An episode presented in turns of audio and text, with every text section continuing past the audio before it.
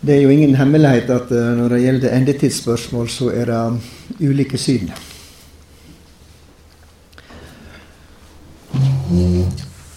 Og um, sannsynligvis så ser vi litt feil. Vi ser iallfall stykkevis og delt, hele gjengen. Takk. Og um, det er jo jeg som har fått muligheten til å si noe i kveld, og jeg presenterer jo ting slik som jeg forstår det. og Jeg vet at det er mange som gransker Bibelen, ikke føler meg i ett og alt, og noen føler meg i veldig liten grad. Um, og da har vi jo i evangeliske kristne sammenhenger måttet lære oss til å leve med, og jeg tror det er rett at uh, vi kan ikke skille lag om vi tolker endetidsbudskapet noe ulikt. Eh, samtidig så har jeg lyst til å si at eh, selv om det er vanskelig, så bør vi ikke reagere på den måten at vi tenker at dette holder vi vekk ifra. Det gjelder jo ikke dere, naturligvis, som er kommet hit i kveld og, og beviser at dere ikke tenker sånn. Men eh, det, det, blir jo lett en fristelse at når de lærde såkalte er så uenige om et og annet, hvem er jeg som skal prøve meg på noe? Eh, det er ikke bra, fordi at eh, vi skjønner ganske mye. Eh, Jesus, som har vært her en gang og fullbrakt et frelsesverk, han har sagt han kommer tilbake. Og det er ganske mye sannhet om Jesus som kommer til oss i endetidsbudskapet òg. Både hans storhet, hans makt, hans omsorg osv. osv. Så, det gjelder fremdeles, som det heter tidlig i Johannes' åpenbaring, salige er den som leser, og de som hører de profetiske ord i denne boka. Nå har jeg bestemt meg for at jeg eh, vil fortsette litt med siste punktet i forrige time. Det er jo veldig mye stoff, eh, og både Det gamle og Det nye testamentet har side opp og side ned. Så um, det er jo et spørsmål om prioritering. Men når det gjelder den store trengsel som verden etter hvert skal gå inn i, og som òg er Jakobs trengsel på en spesiell måte, så vil jeg helt kort nevne to kriger eh, som eh, gjelder jo mange folk, men det vil jo på en spesiell måte gjelde Israel. Eh, jeg ser jo at det er litt skriving om saker og ting, og han advarer mot skjema. Eh, og da kan han jo si, men eh, har du et visst syn på endetiden, så har du jo et skjema, enten det er sånn eller sånn, kort eller langt. Men det er jo ikke for skjema sin del, men det er jo å prøve å forholde seg til de ulike avsnitt og det er meget krevjende. Og ehm, vi ser stykkevis og delt eh, samtlige av oss. Men vi må jo lese det som står. Og så trenger vi ikke nødvendigvis å konkludere på alle ting. Vi kan jo gjerne ruge på egget, for å si det på den måten, i lange tider. Og ikke bare bestemme oss for et endetidssyn. For jeg hørte vedkommende sa det slik, eller han sa det slik. Eh, vi kan prøve å søke det lys som eh, som vi finner der, og, og ta med oss det med evner på nåværende tidspunkt. Men det er jo to kapittel i profeten Esekiel som eh, ofte blir knytta til begrepet Gog-krigen. Eh, kapittel 38 og 39.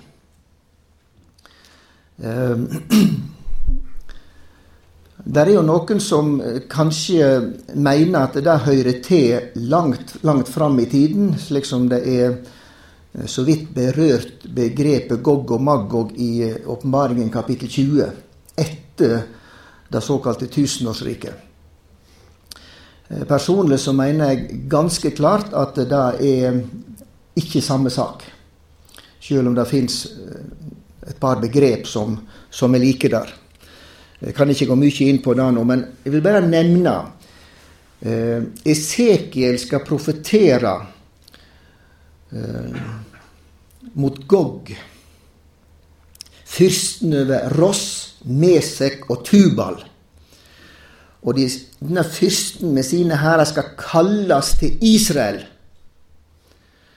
Til et folk som nylig er kommet tilbake.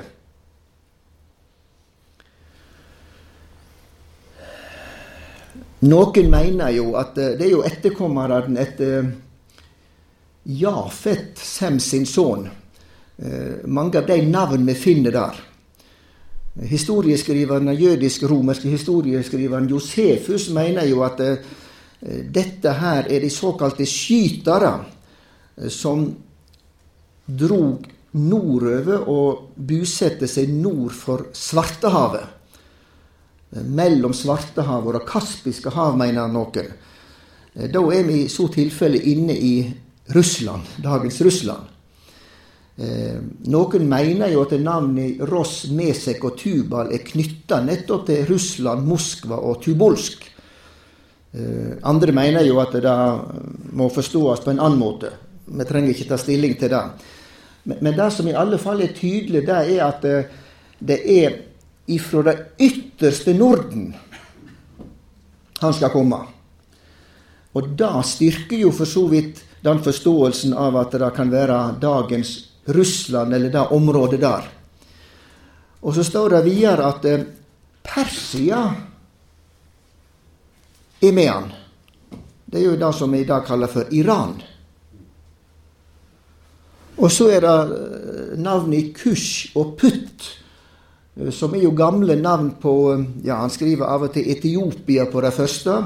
Det er landområdet sør for Egypt, kanskje like mye Sudan som Etiopia og det andre det er Libya. De er jo tydelig nevnte. Ehm, så det er jo ikke slik at han trenger å konkludere verken på tidspunkt eller vite alle detaljer om vanskelige navn, men han må jo ha lov til å tenke at eh, et land som Iran, som jo er jo prestestyrt, Ayatollah Khomeini før, og Ayatollah Khomeini heter vel han som er nå, og som styrer jo mer enn politikerne. De har jo vært med og bygd opp et ufattelig hat mot Israel. Det er jo et faktum i, i, i vår tid, og har vært ei tid. Eh, så at han eh, som eh, en bibelleser og bibelgransker vel å bruke litt tid på disse avsnitt, det mener jeg jo at vi bør gjøre.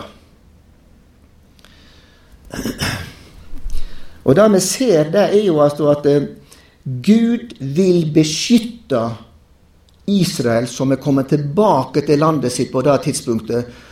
Og, og fiendeherrene blir slegne så brutalt ned at det er helt grotesk lesestoff. Og Gud skal vise sin storhet både for verden og for det jødiske folk ved sine maktgjerninger. Så, så det er avsnitt i Bibelen som taler om det som vi ofte kaller for Gog-krigen. Så det får iallfall ligge der. Personlig så tenker jeg at det da kommer inn på et tidligere tidspunkt enn det som er knytta til slaget Eh, på Harmageddon, eller Gisraelsletta, som Johannes' åpenbaring kapittel 16 omtaler. Men der er det jo tilsynelatende alle nasjoner som er med. Mens Gog-krigen er jo kobla til uh, noen få, for å si det på den måten. Det er jo en del som vi nevnte der videre òg.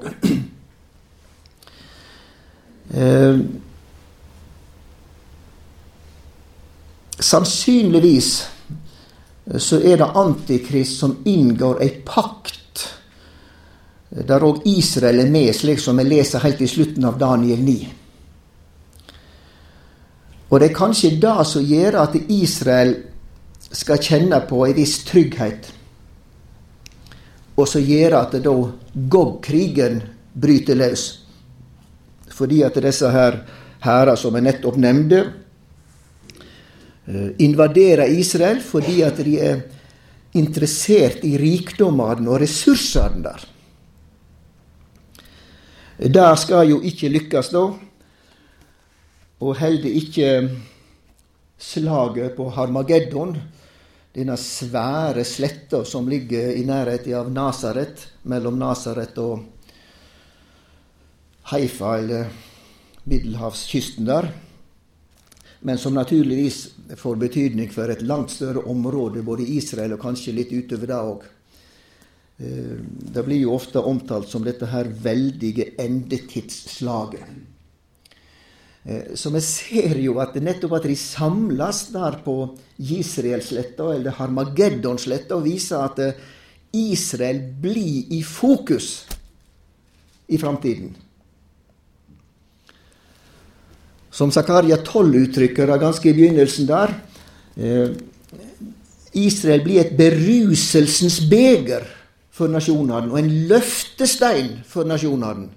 Men alle som løfter på han, de skal skade seg sjøl. Så eh, det er en god del budskap om Israel i framtiden. Og noe av dette her eh, er jo begynt å gå i oppfyllelse. Og ikke minst det som er neste punkt, da, vi har snakket om forherdelse, og vi har snakket om utlendighet. Og vi har snakket om trengsel. Men vi må òg snakke om tilbakevending.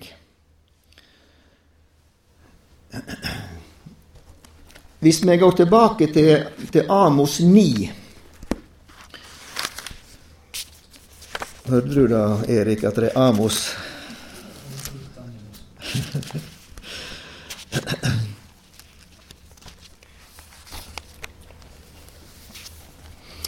Der var det jo at vi leser at eh, Herren skulle adspreda israelsfolket. Og så står det videre i vers 11 på den dagen vil jeg reise opp att Davids falne hytte. Jeg vil mure att, rivnen henne og reise opp det som er bråte ned i henne. Jeg vil bygge henne opp att som i gamle dager. Så det får ta i eige det som er att av Edom. Det er jo sør i Jordan, mye av det, og kanskje litt innover i sør for døde av Israel òg. Og alle heidningfolka som blir kalla med mitt navn, sier Herren, Han som gjør dette. Sjå dager kjem, sier Herren, og Han som pløyer skal nå att Han som høstar, og Han som trakkar vindruer skal nå att Han som sår ut sæden, og fjellene skal drype av druesaft, og alle haugane skal fløyme over. Og eg vil gjere ende på fangenskapet for Israel, folket mitt de skal bygge opp att de ødelagde byene og bu der og plante vingardar og drikke vinen fra dei, og de skal dyrke opp hager og ete frukta fra dei. Eg vil plante dei i landet deira. Og de skal aldri meir verta rykte opp ord landet sitt, det som eg har gjeve dei, sier Herren din Gud. Her må jeg få skyte inn noe. Mange av profetiene i Bibelen har flere oppfyllinger. Flere lag snakker vi ofte om i de profetiske ord. Det vil si at det kommer ofte en første og kanskje nærliggende oppfyllelse. Men, men da går det ikke i oppfyllelse alt som er, ligger i profeten, profetien. Og så kommer det en seinere oppfyllelse. Det er jo mange og litt varierte eksempel på dette. F.eks. 2. Samuel, Samuels bok 7, 12 og utover. Det profetiske budskap til David om en sønn som skal bli konge etter han, som Herren skal reise opp, som skal bygge et hus i Jerusalem. Eh, og da tenker vi jo umiddelbart på Salomo. Men hebreabrevet i Det nye testamentet sier jo at eh, dette som er sagt der, han skal være min sønn, og jeg skal være far hans. Det er et budskap om Jesus, sier Hebreabrevet. Ja, begge deler er sant. Når det står at Herren skal tukte han, så gjelder det jo bare Salomo. Når det er snakk om et evig kongedømme, så gjelder det bare Jesus. For sjøl Salomo i all sin herligdom var ikke på det nivå. Og dette lærer oss noe om det profetiske ord. Og, og det jeg nå spesielt tenker på, det er jo profetiene i forkant av det babylonske fangenskap. Nordriket Israel var jo bortført til Asyria 722 før Kristus. Mens Herren drygde med dommen i sørriket Juda, Juda og Benjamin, området rundt Jerusalem. Men så kommer jo Babelkongen Nebukaneser i tre etapper og bortfører folket. Først Daniel og hans venner, noen av de fornemste i Israel, 605 eller 6 før Kristus. Så blir det en ny bortføring på 590-tallet, og så kommer den endelige bortføring og ødelegging av Jerusalem og tempelet i 586 før Kristus. Og Da ser vi jo at Jesaja først på 700-tallet og Jeremia på 600-tallet forkynner dommen over folket hvis de ikke omvender seg. Og så gjør de ikke det, og så kommer dommen. Men så forkynner de òg et trøstefullt budskap. Om framtid og håp. Gud har fredstanker og ikke ulykketanker. Og, og de mektige profetiene om framtid og håp, de går jo til en viss grad i oppfyllelse ved heimkomsten fra Babylon etter 70 år, som Jeremia hadde jo profetert både i kapittel 25 og 29. Men det er jo deler av de profetiske ord som ikke gikk i oppfyllelse. For det første så er det jo sagt at både Nordriket Israel og Sørriket Juda skal komme tilbake. Det skjedde jo ikke. Det er jo i all hovedsak Sørrike, Juda og Benjamin som kom tilbake. Og det andre som er sagt, det er jo at de skal tjene Herren sin Gud og David sin konge. Har det gått i oppfyllelse i Israel? Det kan vi vel ikke si til fulle. Og som vi ser her i, i slutten av profeten Amos, at Gud sier 'Jeg vil plante dei i landet deira, og dei skal aldri meir verta rykta opp', ordlandet sitt. Ja, Det har jo slått feil, da, hvis det var heimkomsten ifra Babylon. For aldri har de blitt så fordrevne så de blei etter Kristi første komme.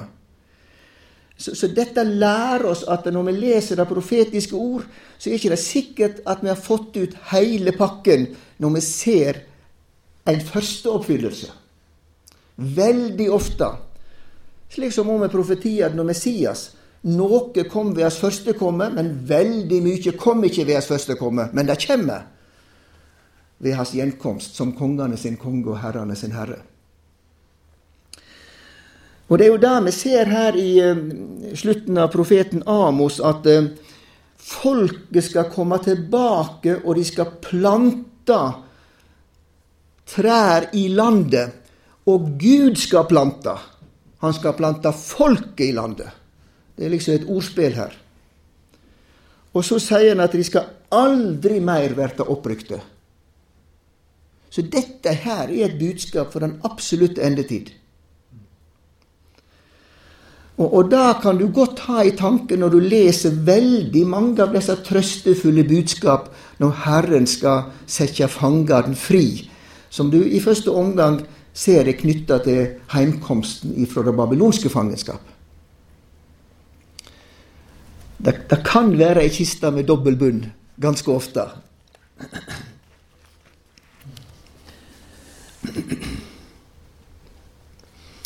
Her er mye stoff å ta av.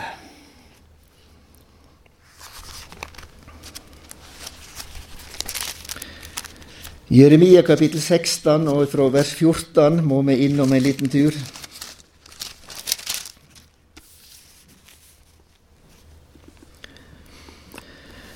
Sjå, derfor skal det komme dager, sier Herren, da det ikke lenger skal verte sagt så sant Herren lever, Han som fører israelsborna opp fra Egypterlandet.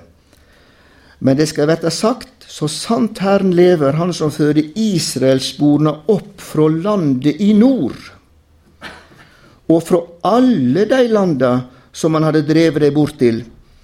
Og eg vil føre dem attende til landet deres, det som eg gav fedrene deres. Sjå, eg sender båd etter mange fiskere, sier Herren, og dei skal fiske dem. Sian sender dei båd etter mange jegere, og dei skal jage dem vekk fra kvart fjell og hver haug og fra bergskortene.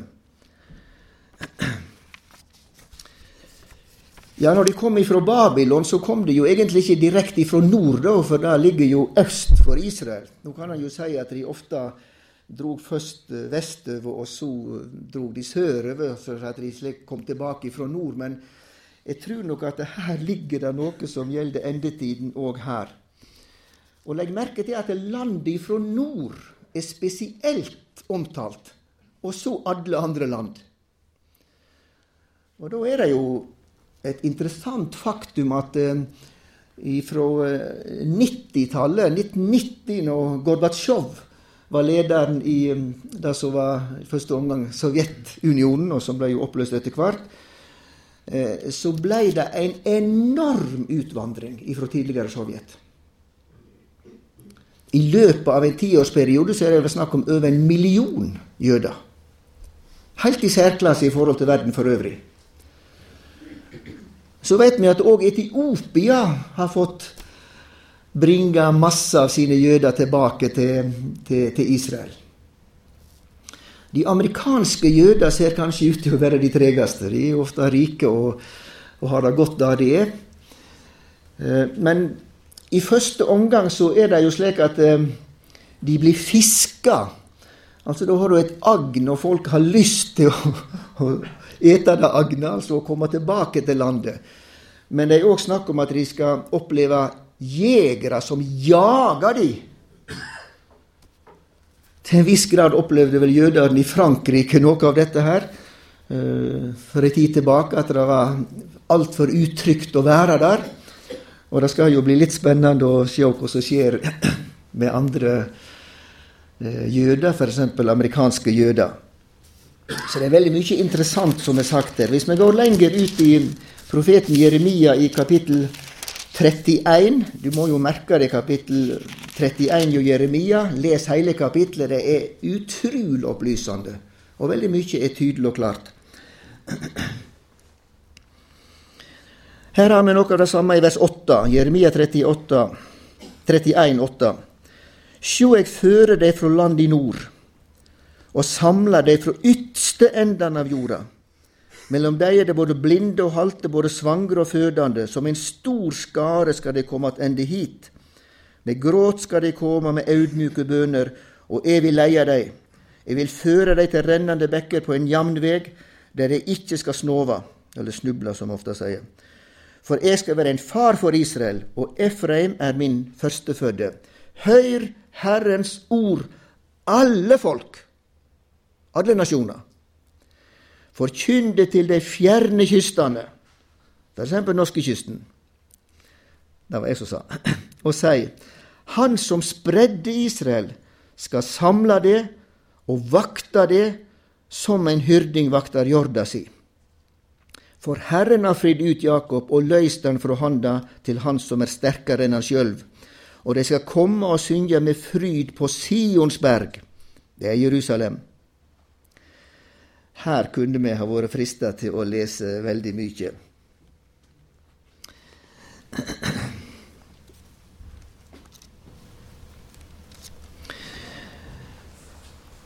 Kanskje vi når vi er inne i kapittel 31 og Jeremia, så skal vi ta med òg vers 31 i kapittel 31. Det er jo gjort så lett å huske at du husker jo for resten av livet. Jeremia 31, vers 31. Der Herren taler om den nye pakt med Israels hus og med Judas hus. Og dette er jo den pakt som Jesus taler om like før sin død, i forbindelse med at han innstifta nattverden. Dette er den nye pakt i mitt blod, som et utrent for dykk til forlating for syndene. Så til og med i den gammeltestamentlige tid, ca. 600 år før Kristus, så forkynner Jeremia at det Sinai-pakti, den som ble inngått når de hadde forlatt Egypt, israelsfolket, den er snart på vei ut, og det skal komme en ny pakt. Så slik sett så er ikke budskapet i Det nye testamentet noe som er helt annerledes enn det som er sagt før. Sinai-pakti hadde sin tid og sin funksjon, men den nye pakt som her er proklamert i Jeremia 31, 31, den er helt annerledes. Dette her er ei nådepakt. Her er det frelse. Vers 32 skal ikke være som den pakt de gjorde med fedrene deres den dagen jeg tok dem i hand og, de, og førte dem ut av Egypterlandet. Den pakta med meg som de brøt, enda jeg var ektemannen deres, sier Herren. Men dette er den pakt jeg vil gjere med Israels hus etter de dagene, sier Herren. Jeg vil gi lova mi i hugen deres og skrive henne i hjarta deres. Jeg vil være deres Gud, og de skal være mitt folk. Da skal ikke lenger hver av de lære nesten sin og bror sin å seie 'Kjenn Herren'. Skal ikke de da? Skal ikke det jødiske folk si til sine naboer og slektninger 'Kjenn Herren'? Nei. Hvorfor ikke? For de skal alle kjenne meg, både små og store, sier Herren. For jeg vil tilgi misgjerninga deira og ikke lenger komme synder deira i hug. Og Så kan du lese videre her i slutten av kapittelet at så lenge lovene i universet fungerer, så er det et bevis på at Gud ikke har forkasta og glemt sitt jordiske eiendomsfolk Israel. Hans øynestein, som Bibelen omtaler det. Det må vi feste oss med. Da har vi jo i forbindelse med stikkordet tilbakevending og bevege oss inn i stikkordet frelse. I tilknytning til den nye pakt. Vi har fått del i frelse og velsignelse i forbindelse med den nye pakt. Men i utgangspunktet så er det pakt med Israels hus og med Judas hus, altså Nordriket og Sørriket, hele tolvstammefolket. Og som Romerbrevet sier, vi har fått blitt poda inn i dette her herlige oliventreet. Vi ser at eh, Israels frelse, som er jo en hovedsak i dette her Det er jo selve toppsteinen. Det er knytta til tilbakekomsten til landet. Og Det ser vi veldig tydelig òg hvis vi går inn i det som Paulus skriver i Romerbrevet 11, 25 og utover. Når han sier at såleis skal heile Israel bli frelst, som skrive står. Fra Sion skal utfrieren komme, han skal rydde gudløse bort fra Jakob. Og dette er den pakt som jeg har inngått med dem, sier han videre.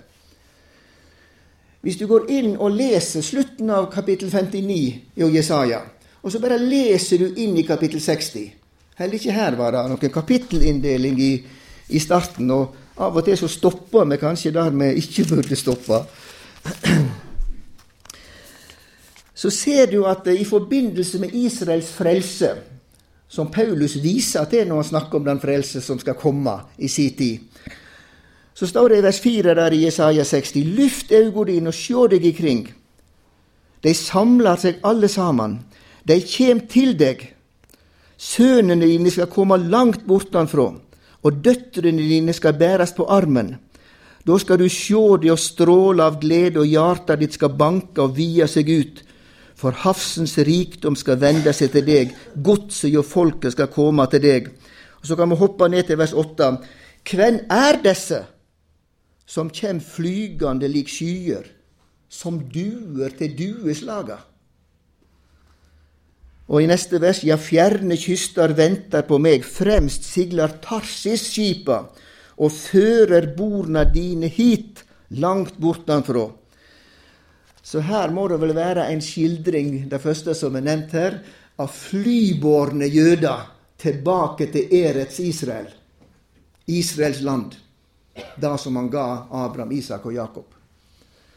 Kan det skildres bedre hvem er disse som kjenner flygende som skyer, som duer til sine dueslag? Og så snakker han videre om Tarsis-skip. Tarsis er vel et ord for Spania i gammel tid. Og det er jo porten inn til Middelhavet, og her kommer jo òg jøder sjøvegen tilbake til landet sitt. Så her ser du, hvis du holder sammen slutten av Jesaja 59 og starten av neste kapittel 60, som Paulus altså her viser til, så er tilbakekomst og frelse knytta veldig tett opp til hverandre. Og det skal ende med at hele Israel blir frelst av de som er tilbake på det tidspunktet. Det er mange som omkommer òg av jøder i den trengselstid som kommer. Skal ikke gå noe mer inn på det.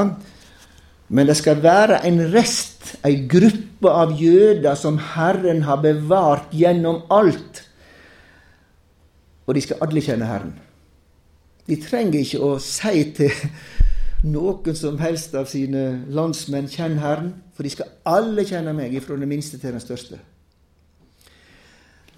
Og Vi kunne jo gjerne brukt mye tid på Esekiel 36. Nå har vi jo vært inne i Gog-krigen i kapittel 38 og 39, men Esekiel 36 er jo mektig. For første del da skal han profetere til fjell og hauger, til Israels fjell, til bekker og daler, til grushauger og byer som er lagt i ruiner.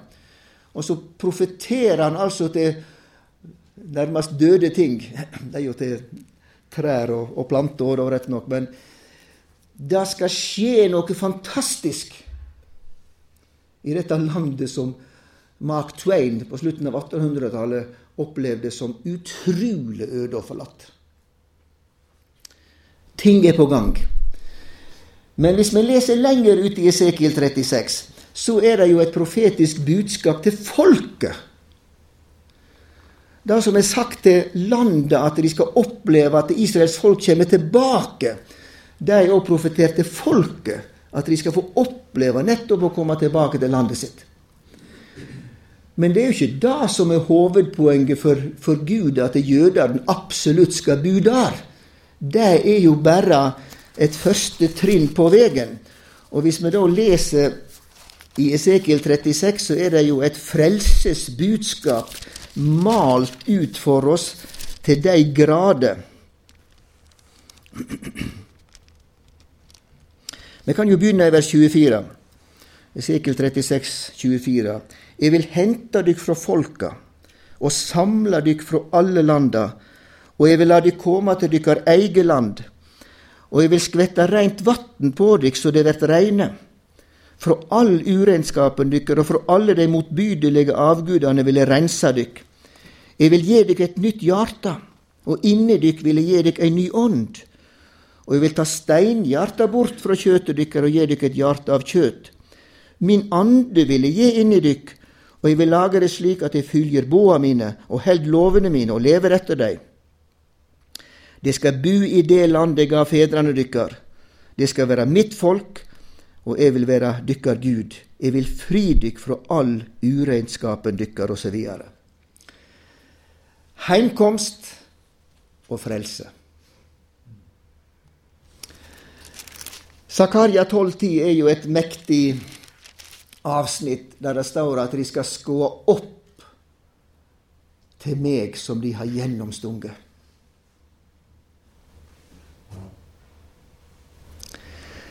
Og Herren skal renne ut nådeande og bøneande over dem. Det, det, er noe av det vi ser med Josef, som brødrene for så ille med, og det ble fornedring, og han ble regna blant brotsmenn før han ble satt opp ved faraos høyre hånd. Og når brødrene kommer til han, så møter han de bare med godhet. Jødefolket sin storebror Jesus skal ikke hevne seg. Men når de ydmykt ser opp til Han som de har gjennomstunget, så skal Han renne ut nådeanden og bøneanden over dem.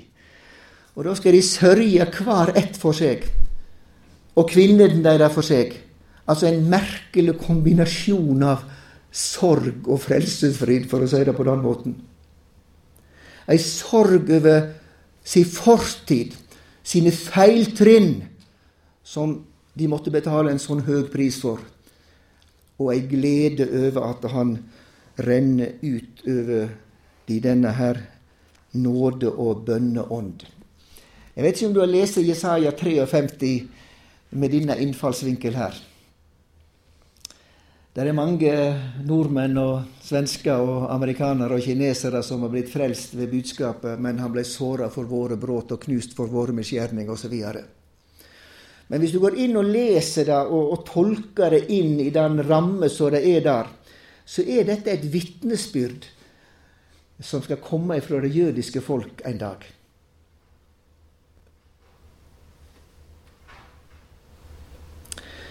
Hvem trudde den budskapen vi hørte. Og for hvem vart Herrens arm utrekt? Det er jo når de ser tilbake på Jesu første komme. Det var forkynt et budskap rundt Genesaretsjøen og Jerusalem og andre plasser av Jesus fra Nasaret, og folket var slått av undring. Ingen av deres skriftlærde rabbier kunne forkynne på den måten og med en sånn myndighet og en sånn autoritet som Jesus hadde. Og for hvem ble Herrens arm rakt ut? Han gjorde under og mirakel som verden aldri hadde sett maken til. Dreiv ut demoner og sette mennesker fri. Helbreda sykdom og skrøpeligheter. Vekte opp døde til og med. For hvem ble Herrens arm utdrakt? Jo, det var jo for oss jøder. Men han hadde ingen skapne eller herligdom. Vi trodde han var slegen av Gud og gjort elendig. Vi rekna han for ingenting. Men Og så kommer erkjennelsen. De har sett lyset, for å si det på den måten. Våre sykdommer tok han på seg, og våre pinsler bar han. Men han ble såra for våre brudd og knust for våre misgjerninger. Straffa lå på han så vi skulle ha fred, og så videre.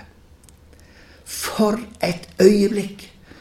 Etter så mye elendighet, og så lang tid med elendighet, og på grensen til utryddelse flere ganger, så er det et frelst folk som Herna bringer tilbake til Erets Israel, som de sier. Gud er trufast, og vi er truløse, så er Han trufast, for han kan ikke fornekte seg sjøl. Da gjelder Israel og de løfter som Gud har gitt til Israel, og det gjelder deg og meg. Der er rikelig med skrøpelighet òg i oss.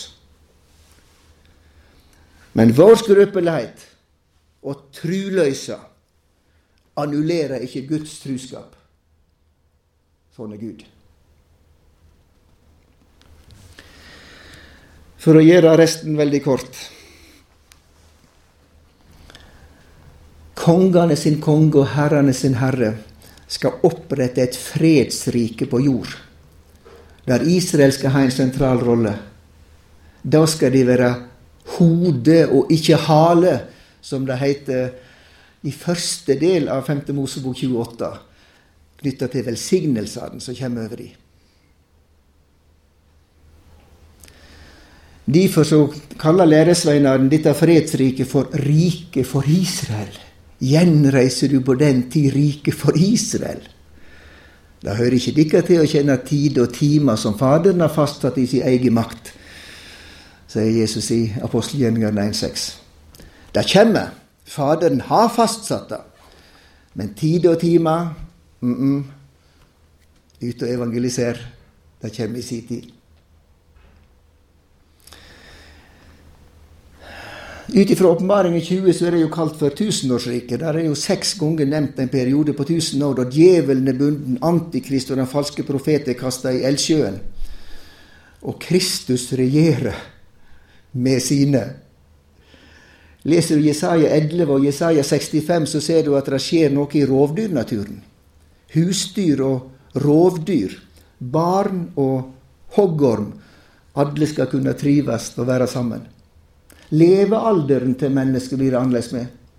Ingen fødes til en brå død. Ikke noe barn som, som dør etter en dag og to. Mennesker skal fylle sin alders mål. Ung er den synder som dør 100 år gammel. Dette er ikke himmelen, dette er ikke den nye jord. Dette er denne veldig spesielle epoke som en sabbatsdag i slutten av ei lang veke. 6000 år, og så kommer fredsriket. Ei sabbatshelg gjenstår for Guds folk, er det jo uttrykt i hebreerbrevet, og da kan vel gjelde òg denne saken her. Ikke minst så ser vi i Romerbrevet 11 vers 15 at det skal bli ei veldig misjonstid der Israel skal ha en veldig stor plass. Og Paulus sier at når israelsfolkets forherdelse ble til en velsignelse og en rikdom for oss ikke-jøder, hva skal ikke deres antagelse bli? Det skal bli som liv av døde. Ja, fordi at jødene forherda seg og ikke tok imot Paulus og de andre, så vendte de seg til grekere og romere, og de tok imot. Så det ble en rikdom og en velsignelse for oss ikke-jøder. Det skal desto mer bli en velsignelse når det jødiske folk er et frelst folk, som tjener Herren sin Gud og David sin konge, som det er uttrykt. Veldig spesiell tid. Så ser vi at uh, det blir en avslutning òg på dette her. Flere ting kunne vært sagt. Det kommer en ytterste dommedag. Og så er ikke tid mer. En ny himmel og en ny jord. Det første har kvarvet bort. Paulus bryter ut i en veldig lovprisning og tilbedelse i slutten av Romerbrevet 11. Gud har åpenbæra ting som tidligere ikke til fulle var gjort kjent. Og han bare bøyer seg ned og tilber. Gud har kontroll. Har du lyst til å tjene denne Gud? Er det, er det bare interessante endetidsteorier, eller kjenner du at Bibelens Gud skal være min Gud? Den frelse som ble tilveiebrakt på krossen. Ja, det er for jøder først, men det er òg for nordmenn. Tar vi imot det? Lær vi oss forvandle ved den kraft som er i evangeliet, som Paulus har undervist så mye om tidligere i dette brevet. Det er jo det det dreier seg om. Å samle på interessante åndelige frimerker, det er jo ikke noe stort poeng. Ordet må smelte sammen med oss i tru, sier Hebreabrevet 4. De gjorde det ikke med israelsfolk i ørkenen. Og Derfor ble ikke det glade, det glade budskapet noe nytte for dem. Så måtte vi ikke bli sånn som israelsfolket på det området da. Gud ved sitt ord gjør noe med oss. Med alle de forskjellige temaområder. Alt som før er skrevet, er oss til lærdom. Og, bringe oss inn i både Guds frykt og i en far-barn-forhold. Det, det, det er det drivet det skal være med alt Guds ord.